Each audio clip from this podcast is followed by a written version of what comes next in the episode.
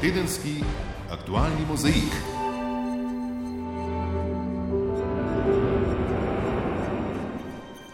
Spoštovane, spoštovani, dobrodošli v tokratnem tedenskem aktualnem mozaiku, ki ga vodim Matjaš Trošt. Upam, da ste ustrezno nameščeni v senčni legi s hladno pijačo na dosegu roke ter brez kakšnih težkih nalog, ki vas čakajo zvečer ali jutri. Pred vami je namreč sprehod po dogodkih, ki so zaznamovali ta teden. V ospredju pa seveda tragedija v Libanonu. V pristanišču tamkajšnje prestolnice Bejrut je v torek razneslo skladišče z 2750 tonami amonijevega nitrata. Prvi rezultati preiskave kažejo na malomarnost. Libanonski predsednik Mišel Aoun je sicer včeraj opozoril, da bi bila lahko eksplozija posledica malomarnosti ali raketnega napada. Sama moč eksplozije pa je presenetila tudi poznavalce. Moram potrditi, da česa podobnega, kar sem videl na posnetkih iz Beruta, eh, do sedaj tudi približno v takem vplivu nisem videl. Tako je govoril Igor Boh iz enote za varstvo pred neeksplodiranimi ubojnimi sredstvi uprave za zaščito in reševanje. Že pred eksplozijo je 75 odstotkov Libanoncev potrebovalo humanitarno pomoč, tretjina je bila brezposelnih. Stanje se bo zdaj še slabšalo, zato agencije opozarjajo pred humanitarno katastrofo. Jutri bodo francozi organizirali donatorsko konferenco, kot povdarjajo analitiki, bo vsak dolar štev, le v prave roke mora priti. O nezadovoljstvu veliko povedo opaske, da si za razliko od francoskega predsednika Makrona domači veljaki nikakor ne bi mogli ob množici ljudi v miru ali od blizu ogledati razsežnosti katastrofe.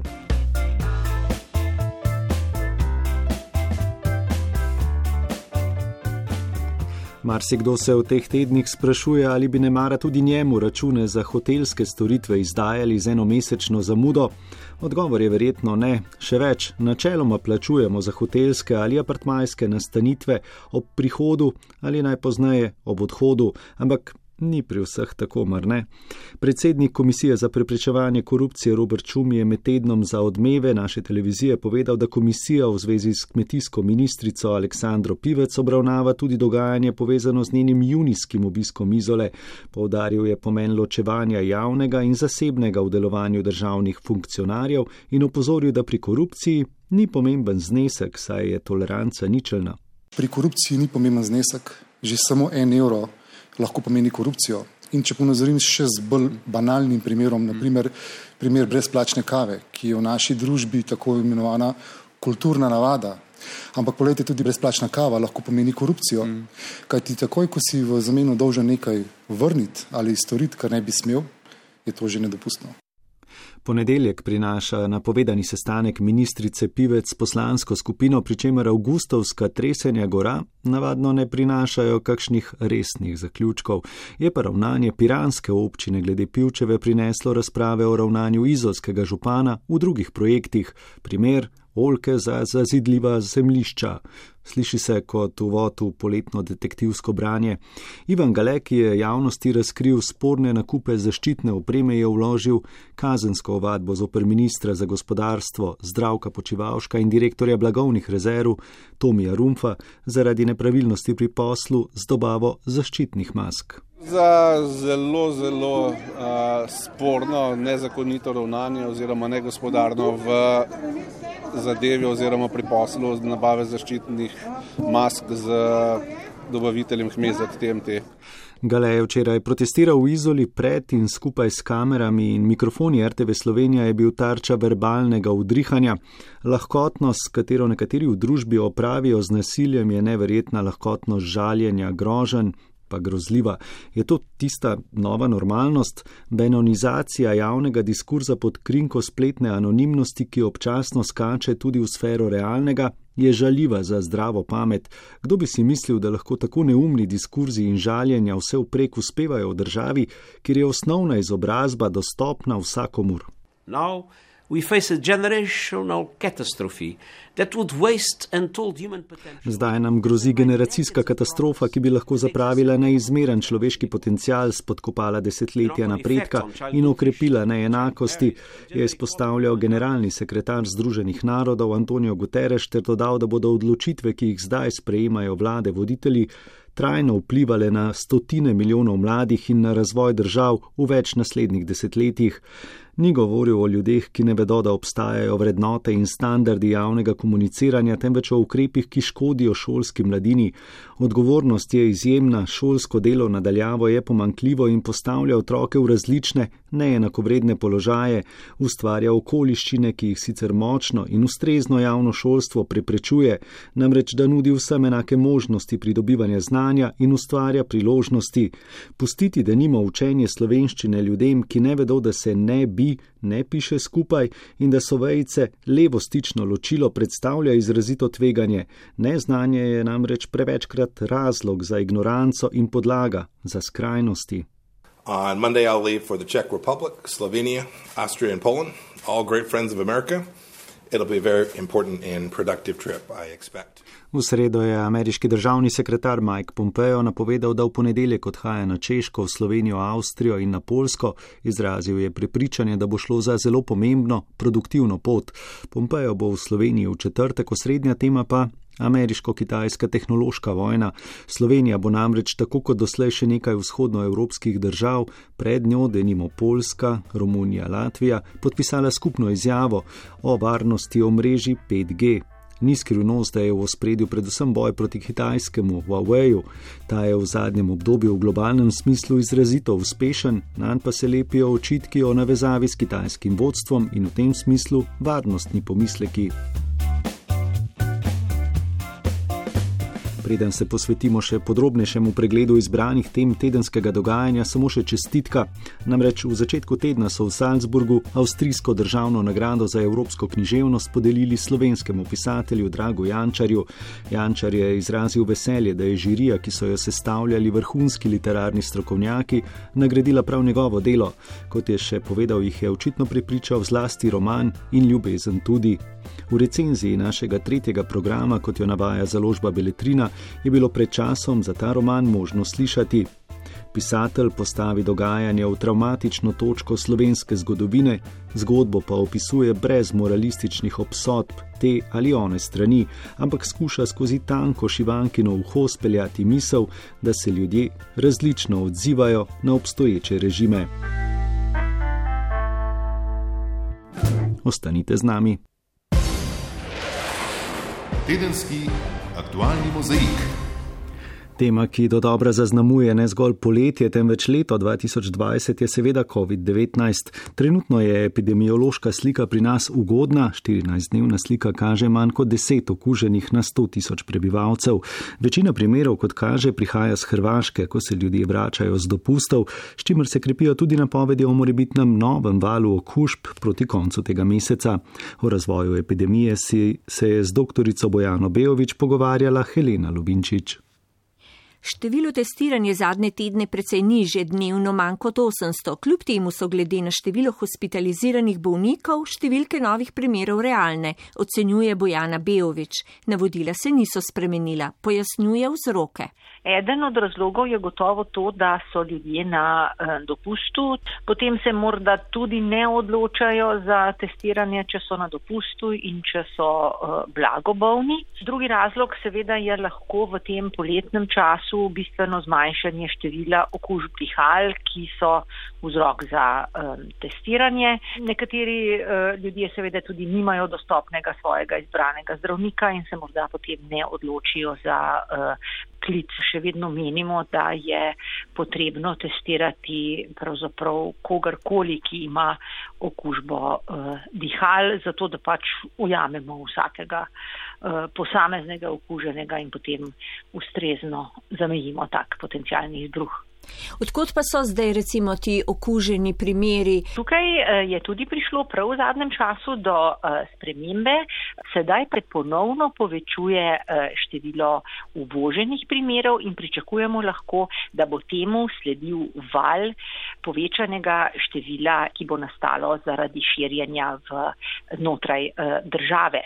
Če smo imeli pred dobrim mesecem dni v začetku julija še težave z vnosom iz um, držav, ki so na tako imenovanem rdečem seznamu, uh, so sedaj uh, prenosi iz teh držav posamezni. Uh, največ um, voženih primerov dobimo sedaj iz Hrvaške. In tukaj se izrazito kaže vzorec, da gre za ljudi, ki se vračajo z dopustov in ki so se tam udeležili različnih uh, uh, zabav. Tukaj moram seveda povdariti, da se dobesedno zahvaljujem vsem, ki to povedo, da potem vemo pač, kaj je problem v Sloveniji in da lahko um, razmišljamo v pravi smeri. Iz katerih predelov pa Hrvaške recimo najpogosteje? No, se veste, to so predeli, kjer so te velike zabave, recimo Zrče na Pagu, eno tako mesto, uh, pa še nekaj jih je verjetno. Čeprav iz Hrvaške zadnje dneve tudi poročajo neko, precej nižjem številu novih primerov. Res je, celo recimo iz področja Paga ima Hrvaška na svojem zemljevidu trenutno aktivnih, zabeleženih zelo, zelo malo pozitivnih. Gre morda res za okužbe pri turistih, ki se potem registrirajo v njihovih državah, kjer stanujejo, se pravi po povratku. Pripravljate kakršnekoli nasvete?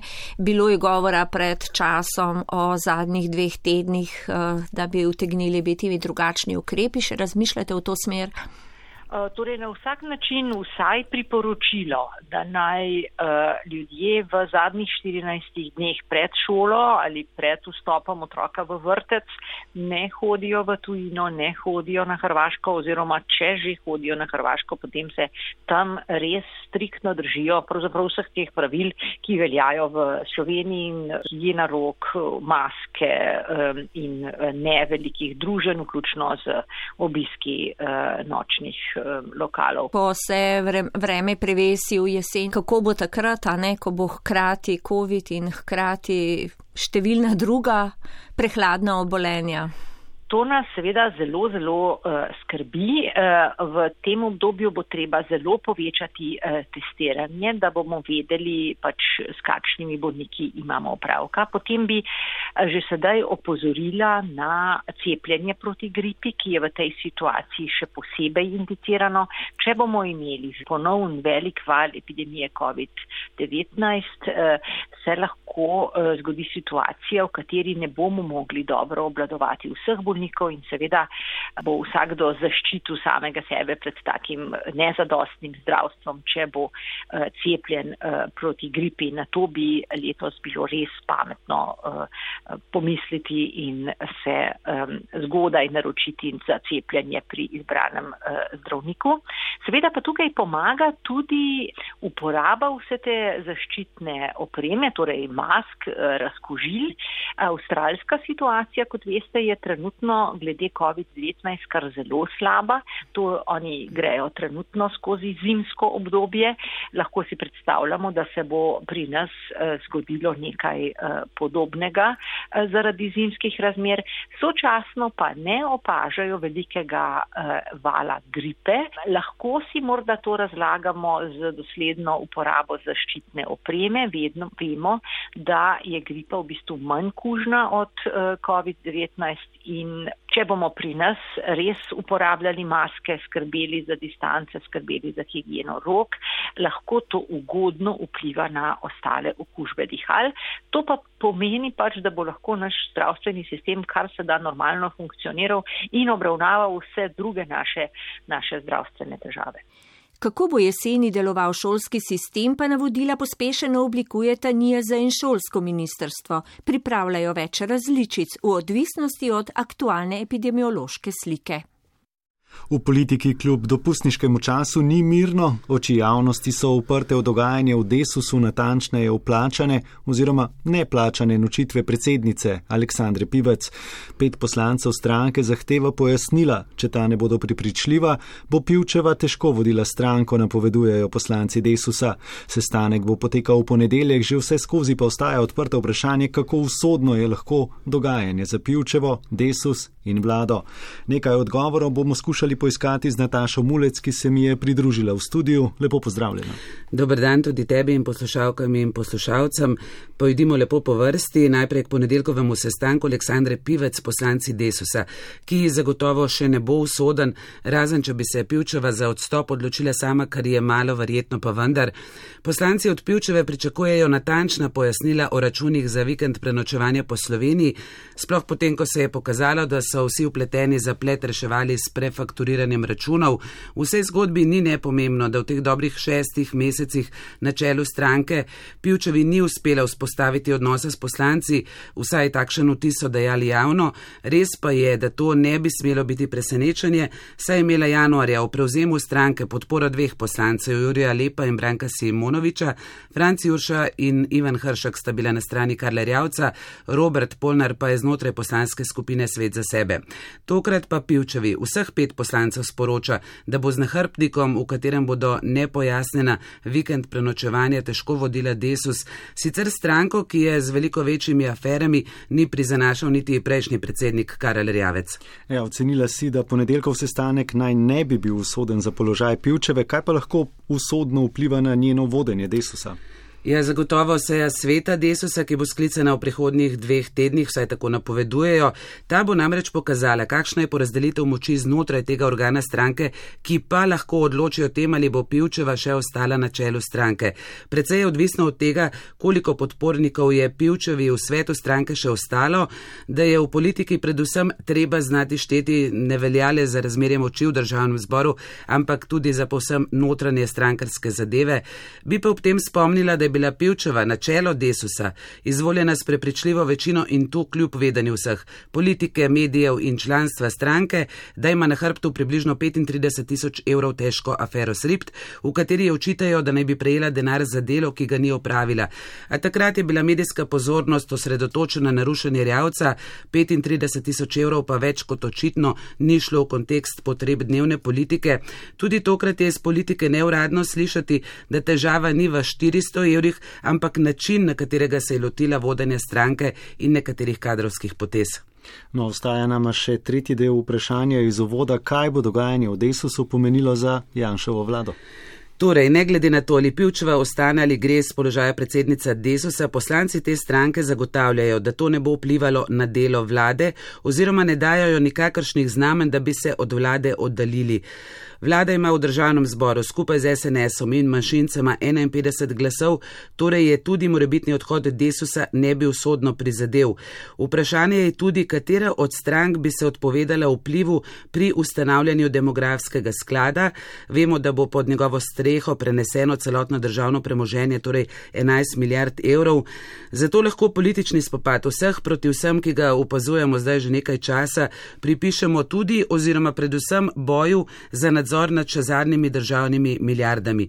Tudi zato, Matjaž, bo v politiki pregovorna vroča jesen še kako vroča. No, če bi bilo samo uh, govora samo o vremenu, potem bi se vsekakor z veseljem strinjal, tako pa bova videla. Uh, Nataša Mulec je bila z nami, hvala lepa. Tudi tebi. Vroče pa je tudi vedno, ko se letevamo stanovanske problematike. Predlog novega zakona, ki je v resnici predlog njegovih sprememb in dopolnitev, je v javni razpravi do 20. augusta. Na ministrstvu ne predvidevajo korenitejših sprememb stanovanske politike, pač pa takšne, ki so, kot menijo, nujne ali že alarmantne. Osrednja dela predloga sta zvišanje neprofitne najemnine in obenem subvencij za najranljivejše skupine. Več pa Maja Derčar. Od leta 2015 z resolucijo o nacionalnem stanovanskem programu je začrtana pot stanovanske politike. A vlada za njo nikdar ne najde dovolj denarja oziroma sistemskega vira, recimo iz novega nepremičninskega davka. Zato se loteva popravkov in sprememb. Tudi tokrat. Ti popravki na področju instrumentov stanovanske politike naj bi držali vsaj tri leta. Ključno je, da bi se postopno v treh letih za 30 odstotkov dvignila neprofitna najemnina. Ta se ni uskladila že od 2007. Stanovanski skladi imajo zato finančne težave. Ranljivim skupinam bi posledično pripadala tudi višja subvencija za plačilo neprofitne najemnine. Tisti pa, ki bi presegali merila upravičenosti, bi še vedno bivali v neprofitnih stanovanjih, a pač plačevali višjo najemnino. Na gospodarski zbornici Slovenije, kjer zastopajo tudi stanovanske sklade, Ta popravek pozdravljajo Boštjan Udovič. Zato, ker še štirih, petih let eh, sedanjo višino neprofitne najemnine si slovenski javni najemni trg ne more prvoščati. Te spremembe so predvsem v tem delu, ki se tiče najemnih razmeri, nujne, čeprav niso eh, bistvene ali pa obširne, so pa nujne, ne? Eh, zato je nesmiselno z njimi čakati. Predlog zakona med drugim ustanavlja javno najemniško službo, ki bi jo izvajal Republiški stanovanski sklad. Tej službi naj bi lastniki oddali stanovanje za najmanj tri leta, sklad bi ga naprej oddal ranljivim skupinam. Koncept je na papirju dober, koristen, v praksi pa bo seveda ne brez državne pomoči stežka zaživel. Kar nekaj je še sprememb, ki bi jih prinesel novi zakon, ni pa to korenita reforma, saj še ne uvaja stroškovne najemnine ali novega socialnega transferja, stanovanskega dodatka. Anita Hočevar Frantar, vodja sektorja stanovanj na Ministrstvu za okolje in prostor, pravi. Smo se odločili, da stanovansko reformo izvedemo praktično v dveh korakih. In sprememba in dopolnitev stanovanskega zakona je praktično prvi korak. Takoj, ko se bodo te rešitve implementirale, pa bomo nadaljevali delo na celoviti reformi. In nepremičninski strokovnjak Anton Kožar. Ta predlog spremembe stanovanskega zakona eh, je pravzaprav popravek stanovanskega zakona v delu to še ni tista, bom rekel, sprememba politike stanovanske, kjer bi šli mi na stanovanski dodatek. In je seveda eh, tako, da tudi ni nekega zelo obsežnega bilančnega pristopa, ker bilančni pristop, na katerega je recimo korektno upozorila bivša sodnica Ljančičeva v, v javni razpravi, ki je tudi, v katero se je vključila, da bi seveda bil recimo izplen iz davka na nepremičnine tist zelo pomemben vir, ki bi seveda eh, pomagal tudi na lokalni ravni in celotni javni blagajni, da bi se, eh, da bi se dobili eh, ti viri. Novega sistemskega vira za izvajanje stanovanske politike ni. Prejšnja vlada je govorila o potrebi po 200 milijonih evrov letno, kar bi bilo nič celih 4 odstotka BDP-ja, a tudi sama ni znala tega vira definirati. Nova vlada tega niti ne obljublja, pač pa omogoča, da se skladi zadolžijo za višjo vsoto. Stanovanski sklad Republike Slovenije, vodi ga Črtomir Remec, bi lahko najel za do 100 milijonov kreditov. A to vendarle ne gre tako zlahka, pravi Remec. Sploh pa bolje bi bilo imeti sistemski vir. Sistemski vir je definitivno tisto, kar bi dolgoročno, če bi se zdaj pogovarjali o stanovanski politiki do leta 2030 in bi se morali začeti, ne, in jaz sem tudi razumel, gospod Franterjevo, da je takoj, ko bo sprejete te nujne spremembe, da, da stopimo naprej k novemu stanovanskemu zakonu in pa tudi k stanovanski politiki, dolgoročni stanovanski politiki. In v okviru tega bo sigurno tekla razprava, kako zagotoviti dolgoročno financiranje stanovanskih skladov. Ker eh, samo dodatno zadolževanje bo premalo, namreč vemo, da banke zahtevajo, vsaj te, ki so nekomercialne banke, eh, recimo naš primer, eh, C banke, eh, ki na, ki na nek način zahteva polovično lastno udeležbo, torej treba zagotoviti tudi delež, lastni delež in tega od leta 2023 naprej mi nimamo več. Dejstvo pa je, da, smo, da pa intenzivno pripravljamo projekte in imamo za približno 1500 stanovanj projektov v pripravi, ki bodo po letu 2023 aktualni. Stanovanska politika je kompleksnejša od določb, ki jih želi nasloviti predlog novega stanovanskega zakona. Če pa bo ta do konca 2020 sprejet, bi lahko začel veljati že prihodnje leto.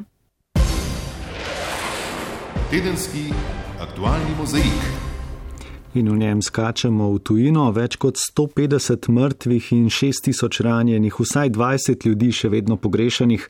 To je tragična bilanca torkove uničujoče eksplozije, ki je stresla libanonsko prestolnico Bejrut, uničila tamkajšnje pristanišče in hudo poškodovala cele mestne četrti. Kot kaže, je razneslo ogromno količino zelo unetljivega amonijevega nitrata, ki je več let nezavarovan, ležal v skladišču blizu središča mesta. Jezni prebivalci za nastale razmere krivijo predvsem tamkajšnje oblasti, Blašer Menc. Kaj se še lahko zgodi v državi pol manjši od Slovenije, ki je v minulih 50 letih doživela 15-letno državljansko vojno, nenehna etnična in verska trenja, vojno v sosednji Siriji, prihod milijona sirskih beguncev, pa epidemijo koronavirusa in zdaj še najhujšo gospodarsko krizo v zadnjih desetletjih? Odgovor je prišel minuli torek. Najprej je bilo videti gost dim, sledila je silovita eksplozija, ki je uničevala vse pred seboj. Čutili so jo celo 200 km stran na Cipru. Zgodbe, ki jih pripovedujejo pretreseni prebivalci Bejruta, so pretresljive. It's, it's like Bilo je grozno kot eksplozija v Hirošimi, zdelo se nam je, kot da je eksplodirala ogromna bomba. Kiršitar, kiršinfažar. Eksplozija nam je vse uničila, vse je šlo. Za nekaj trenutkov smo izgubili zavest, hrup je bil neverjeten. Na srečo smo ostali celi, a smo vse izgubili. Hišo, avto, vse, pravi prebivalka Beiruta. Vzrok za eksplozijo naj bi bil užik 2700 ton zelo vnetljivega amonijevega nitrata, ki so ga šest let nezavarovano hranili v skladišču zraven pristanišča.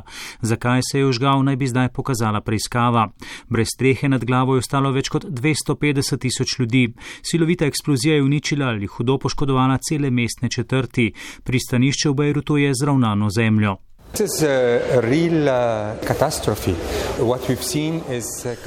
To je resnična katastrofa, kar vidimo, je prava kataklizma, moč eksplozije in razdejanje, ki ga je povzročila. To je težko doumeti.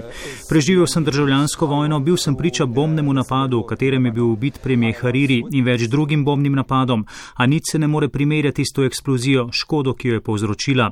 Libanonsko pristanišče je bilo glavno pristanišče za uvoz blaga, prek njega smo dobivali žito, gorivo, zdravila in ostalo. Infrastruktura je popolnoma uničena. V tem trenutku krvavo potrebujemo vsak dolar, ki pride v našo državo, pravi direktor Libanonskega inštituta za strateške zadeve Sami Nader. Ko so se domačini v Beirutu opomogli od prvega šoka, je začela naraščati jeza. Jeza nad skorumpirano in nesposobno domačo politično elito, ki jo krivijo za hudo gospodarsko krizo in zdaj še za nesmiselno eksplozijo. Z vsem, kar se dogaja v naši državi, pride še češnja na torti, ta eksplozija. Gre za množično malomarnost, saj ne vemo, ali pa celo za teroristično dejanje, kar čutim zdaj je ogorčenost, pravi prebivalec Beiruta. Silovito nezadovoljstvo prebivalcev je na svoji koži občutil tudi francoski premijer Emmanuel Macron, ki je kot prvi državnik po eksploziji obiskal Beirut.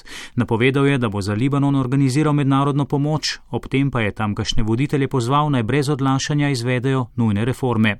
Il y a aujourd'hui une crise politique, morale, Libanon je v politični, moralni, gospodarski in finančni krizi, ki traja že več mesecev, več let. Čas je za boj proti korupciji, za izvedbo nujnih reform. V nasprotnem primeru se bo Libanon še naprej pogrezal.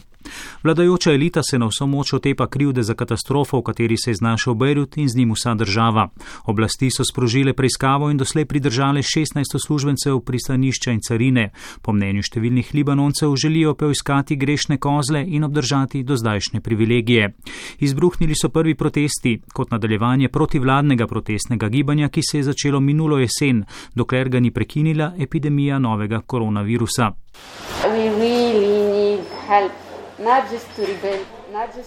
Res potrebujemo pomoč, a ne le, da obnovimo razrušene stavbe in da preživimo. Pomoč potrebujemo, da se znebimo vseh teh groznih ljudi, ki nam vladajo, so kot strup za našo državo.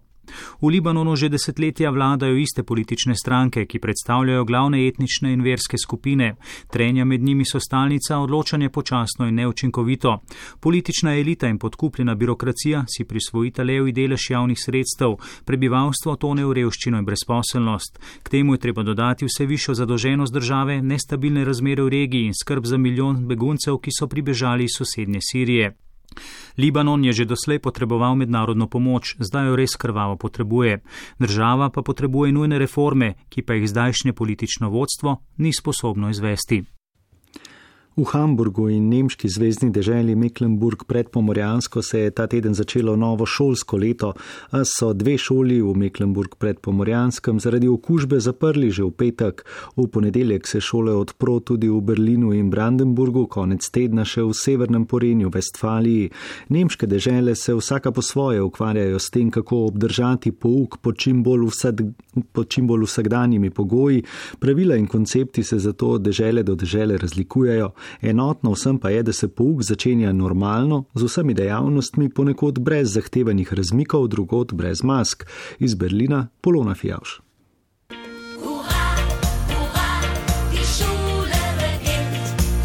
152 tisoč učencev na severu Nemčije ima danes za seboj že pet dni pouka, skoraj 200 tisoč v Hamburgu pa tri. Nova šolska normalnost je zelo podobna tisti pred letom dni, le da v Hamburgu otrokom med odmori in na hodnikih obraze zakrivajo maske in da začetek šole še nikoli ni bil dočakan s tako velikimi pričakovanji na eni in strahovi na drugi strani.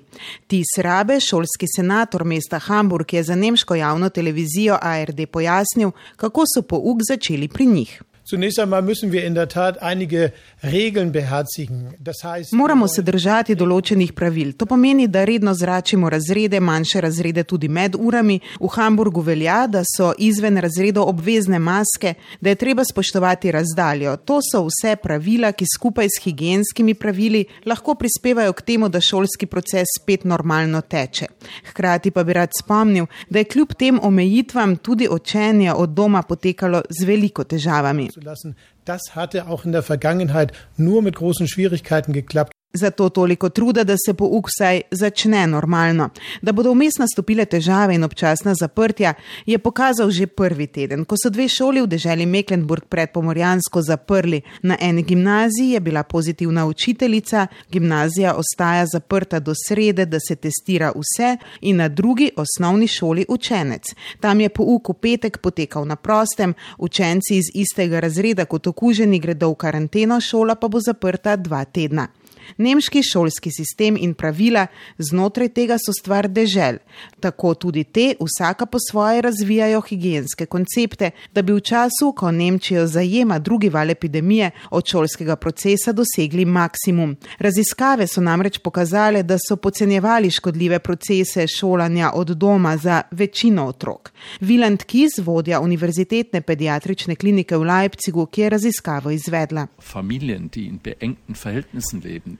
Po naši raziskavi, družine, ki živijo utesnjeno, ki ne zmorejo prenesti izobraževalnega procesa na otroke, ob zaprtju šol zelo trpijo. Otroci trpijo tudi zaradi izgube strukture dneva. Vstajati zjutraj in iti v šolo, to smo vsi podcenjevali. Otroci to štejejo kot izgubo. Raziskava Nemškega gospodarskega inštituta IFO je tudi pokazala, da je čas učenja med otroki v času šolanja od doma upadel 7,4 ur dnevno na 3,6 ur dnevno v povprečju. Čas, ki so ga preživeli ob zaslonih, ob risankah, filmih, na socialnih omrežjih ali igranju računalniških iger, pa se je povečal z 4 na kar dobrih 5 ur dnevno. In kot so zapisali v reviji Špigel, alternativa zaprtju šol ni bilo več Pitagore, ampak več Beyoncé na Instagramu. Tudi zato želijo v nekaterih deželah pouk začeti z bolj radikalnimi ukrepi. V najbolj gosto naseljeni deželi Severno Porenje Vestfalija, kjer se novo šolsko leto začne to sredo, velja, da morajo otroci od četrtega razreda naprej maske nositi tudi med poukom, vsi pa na hodnikih in dvoriščih. V Berlinu, kjer gredo otroci v šolo ta ponedeljek, bodo maske vezne na hodnikih in v skupnih šolskih prostorih, ne pa tudi na šolskih dvoriščih. Težave nemške prosvete pa so manjko učiteljev povsod, to je bilo že pred korona krizo. Zdaj pa še ni povsem jasno, pod kakšnimi pogoji se bodo tisti učitelji, ki sodijo v rizične skupine, vračali na delo, a se jih bo zaradi brezplačnih in rednih testiranj v šolo vrnilo bistveno več, kot jih je bilo tam ob koncu leta. In še starševski vidik. Neverjetno pomirjujoče je delovalo uradno obvestilo, ki smo ga tukaj v Berlinu dobili prejšnji teden, da se pouk za naše otroke začne v ponedeljek ob 8. uri. Tudi najstniki, ki ob tem zavijajo z očmi, so te normalnosti skrivaj veseli.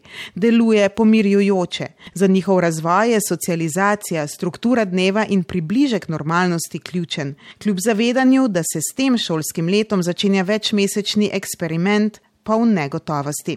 A vsaj začetek bo skoraj normalen in to je vse, kar si lahko ta trenutek želimo. ura za šolo. 5. august, ko Hrvaška v spomin na vojaško operacijo Nevihta praznuje dan zmage in domovinske hvaležnosti, je bil v minulih 25 letih zaznamovan triumfalno, kar je posebej grenak okus puščalo pri Srbih, ki so takrat morali zapustiti svoje domove v Kninu in okolici. Letos je bilo drugače. Sporočila govorcev v Kninu so priznavala žrtve tudi na srbski strani ter pozivala k spravi, kar številni politični analitiki na Hrvaškem vidijo kot prelomni trenutek v odnosih med Hrvati in Srbi, poroča naša zagrebska dopisnica Tanja Borčič Bernard. 25 let po koncu vojaške operacije Nevihta, v kateri je hrvaška vojska osvobodila večji del okupiranega ozemlja, tako imenovane Republike Srpske krajine, se je slovesnosti ob tem dogodku v Kninu prvič udeležil pripadnik srpske manjšine na Hrvaškem. Evo, došel sem ovdje v Knin kao član vlade. V Knin sem prišel kot član vlade, je dejal podpredsednik vlade iz vrst Srpske demokratske stranke Boris Miloševič in nadaljeval, da ta vlada in parlamentarna večina, ki jo podpira, imata za nalogo pomiriti napetosti v družbi da se prekine spirala mržnje. Moramo prekiniti spiralo sovraštva, da se vojne grozote ne bi nikoli več ponovile, je dejal Miloševič, ki je v operaciji Nevihta izgubil očitovo mamo. Njegov prihod v Knin je bil ključen za pot, na katero želi Hrvaško odpeljati premije Plenkovič. Težko je namreč stopati v prihodnost, če za seboj vse čas nosiš breme preteklosti. Žalimo zbog svih stradalih, osobito civila in ne samo Hrvata, nego i Srba. Obžalujemo vse žrtve, posebej civilne, ne le z Hrvaške, temveč tudi srpske strani, pa tudi vseh drugih nacionalnosti. Spravljiv govor so imeli tudi predsednik parlamenta Jan Drokovič, upokojeni general Ante Gotovina, ki je bil v Hagu oproščen vojnih zločinov med operacijo Nevihta, ter predsednik Hrvaške Zoran Milanovič. Grešaka je bilo, bilo je zločina. Storjene so bile napake in zločini z hrvaške strani, ki so nas kasneje drago stali, je dejal predsednik Milanovič in opozoril tudi, da Hrvaška ni dovolj hitro kaznovala tiste, ki so bili odgovorni za zločine nad srpskimi civilisti. To što se danas dogodilo u Kninu je možda u hrvatskoj politici napravilo tektonske promjene. To, kar se je danes zgodilo v Kninu, bi lahko pomenilo tektonske premike v hrvaški politiki, pravi poslanec SDP-a Peđa Grbin. Pravica do domoljubja ne bo več ekskluzivna samo za nekatere z desnega političnega spektra, opozicija jim ne bo mogla očitati, da so ustaši in na tem graditi politično kampanjo. Skida jednu stigmu, koja se stalno pripisuje, da so Srbi protiv svake hrvatske države. Letošnja slovesnost v Kninu pa je izbrisala tudi stigmo, da so Srbi proti vsaki hrvaški državi, pravi akademik Zvonko Kusič. Srbe na Hrvaškem se je namreč doslej vedno doživljalo le kot podaljšano roko uradnega Beograda, za katerega je operacija Nevihta, kot je dejal srpski predsednik Aleksandar Vučić. Za mene je oluja največje etničko čiščenje posle drugog svetskog rata na tlu Evrope. Največje etnično čiščenje po drugi svetovni vojni na tlu Evrope. Vučić je sicer sprva dejal, da ne bo obsojal sodelovanja predstavnika srpske manjšine na Hrvaškem na slovesnosti v Kninu, no zunani minister Ivica Dačić je dva dni po slovesnosti za RTV Srbija dejal, da Boris Miloševič ni smel v Knin, saj s tem daje legitimnost etničnemu čiščenju Srbov. Hrvaški Srbi očitno ne želijo več poslušati navodili iz Beograda, na vse zadnje živijo v drugi državi, v kateri so celo del vlade, ki je sklenila, da je bilo sovraštva in nestrpnosti dovolj. Naša vlada dobila je mandat od naroda. Naša vlada je dobila mandat za izgradnjo odnosov v družbi, ki temelijo na toleranci in obžalovanju vseh, predvsem civilnih žrtev, in po tej poti bomo nadaljevali, pravi minister za vojne veterane Tomo Medved, ki se bo konec avgusta udeležil žalne slovesnosti v Gruborih, kjer so Hrvati po nevihti ubili šest srpskih civilistov. Očekujemo i odlazak premijera Plenkovića u Varivode i Gošić. Pričakujemo prihod premija Plenkovića tudi v Varivode in Gošić, kjer so hrvaški vojaki septembra leta 1995 ubili 16 srpskih civilistov. Zločin, za katerega ni bil nihče kaznovan, pravi poslanka srpske manjšine v saboru Anja Šimpraga. Proces je otvoren.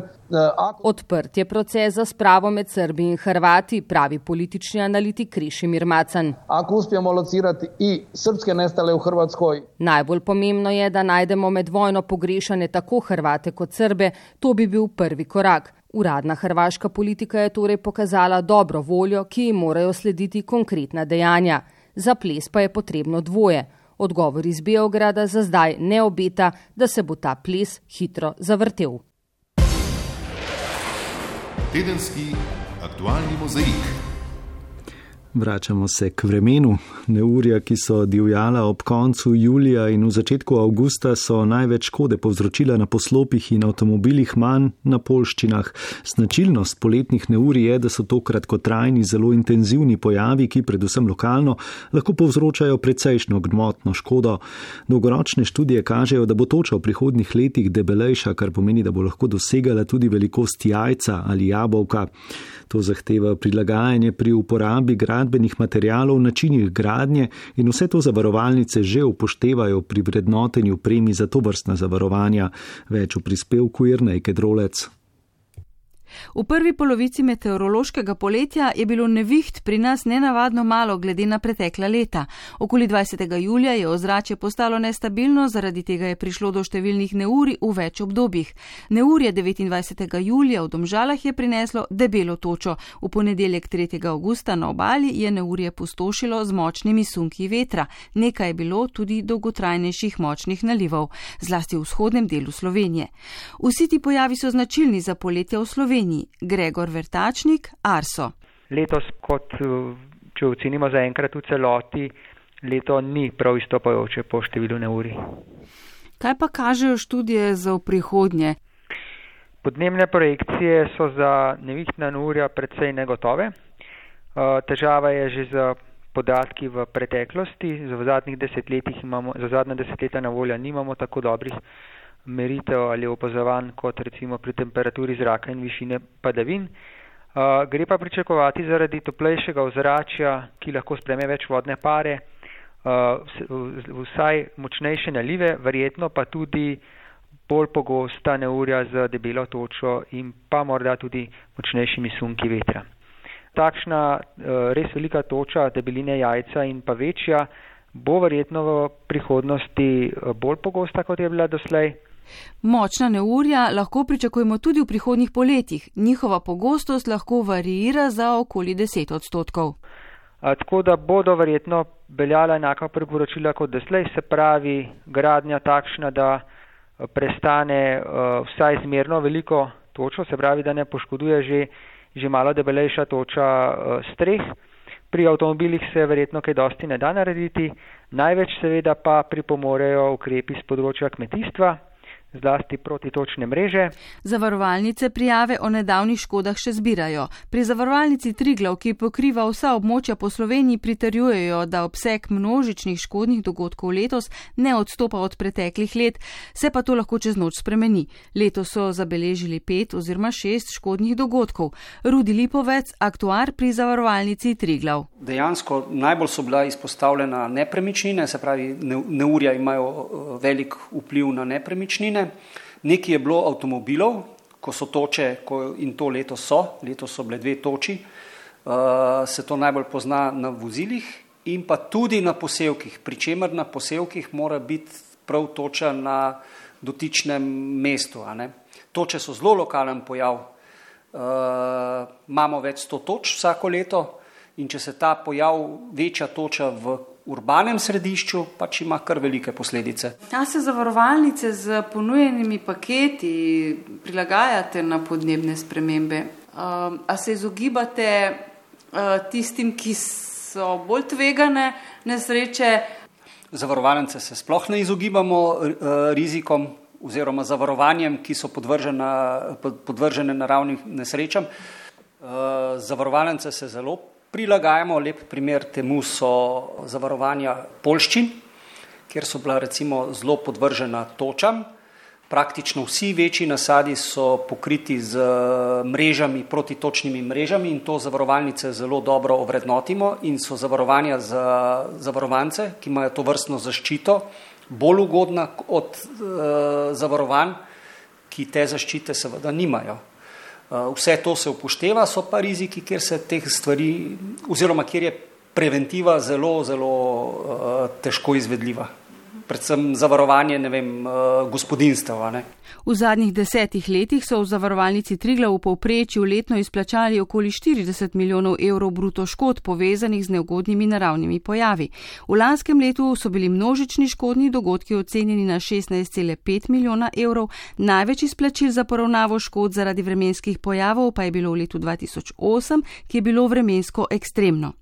Zanimanje za zavarovanje premoženja pa se običajno nekoliko poveča v obdobjih neposredno po katastrofalnih škodah. Nedavna tragična nesreča desetletnega dečka med kopanjem v reki Soči pri Savkanu je odprla vrsto vprašanj, predvsem pa kako urediti kopanje na območju, ki ni kopališče in zato tudi nima ustreznih varoval. Odgovore je iskala Ingrid Kašca Bucik. V Soči pri Sovkanu se tako domačini kot tudi drugi obiskovalci kopajo odvedno, bi lahko rekli. Območje je v neposrednji bližini hidroelektrarne Sovkan, ki občasno odpre zapornice in tako v reko izpusti večjo količino vode ter občutno dvigne vodostaj. In reka postane, kot smo žal bili priča, tudi smrtno nevarna. Žal se šele ob takih tragičnih dogodkih začne razmišljati o tem, kaj ni urejeno, kaj bi moralo biti urejeno in predvsem kako. Večina prstov je opirjenih v soške elektrarne Nova Gorica, ki imajo koncesijo za gospodarsko izkoriščanje vode Soče, Idrice in Bače, pri čemer morajo zagotoviti ukrepe za nespremenjeno izvajanje pravice do rabe in uporabe vode tudi drugih uporabnikov.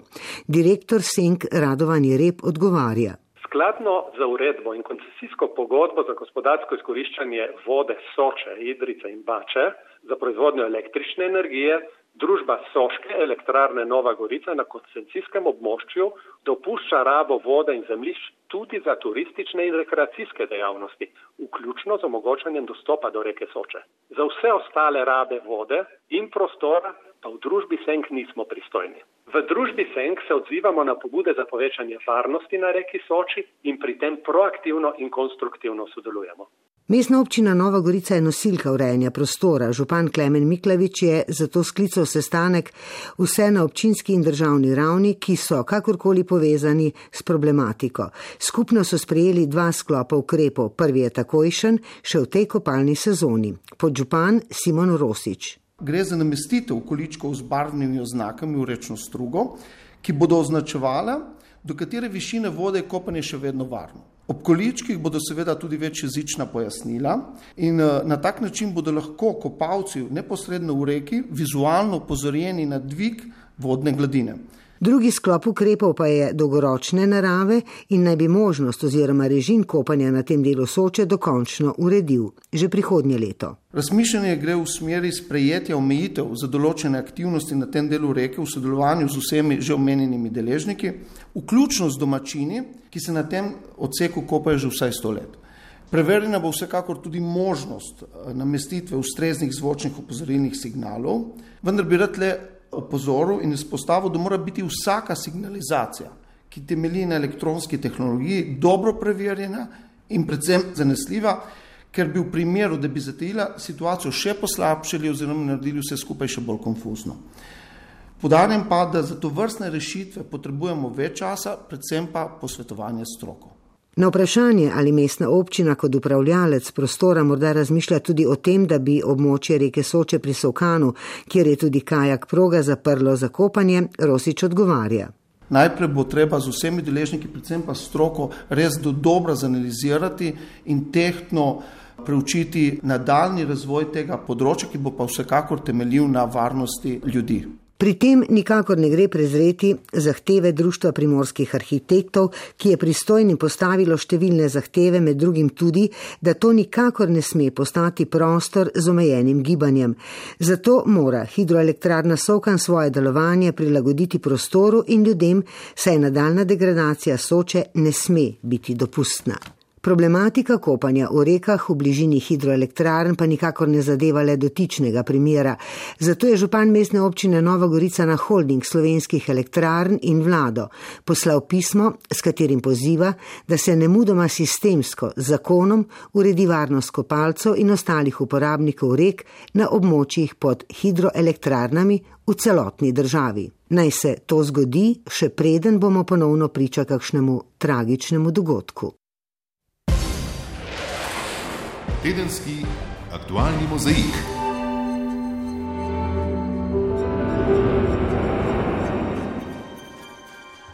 Sledi še zaključek te tokratnega pregleda dogajanja v minulem tednu. Jutrišnji dan prinaša spomin na drugo uporabo jedrskega orožja po Hirošimi še Nagasaki. Prav tako se bodo jutri na volišča podali Belorusi, kjer si upamo zadnji evropski diktator Lukašenko obeta nov mandat. Poštenih volitev ne pričakujemo. V ponedeljek bo pri nas v spredju pogovor predsednice Desusa s poslansko skupino, omenim pa naj še četrtkov obisk ameriškega zunanjega ministra. Ljubitelji športa ste v minulih dneh lahko znova uživali v tekmah nogometne lige prvakov, ta se bo v tej podaljšani korona sezoni sklenila 23. augusta, že ta torek pa se začenja nova sezona slovenske nogometne lige. V ponedeljek bomo studio ob 17. namenili bitki interesov v lesni verigi, z vami bo Matija. Mastnak. Za zvok v tej oddaji sta poskrbela Mirta Berlan in Blaž Mikl, urednica oddaje je Erika Štular, tokrat sem bil z vami Matjaš Trošt, srečno in naslišanje.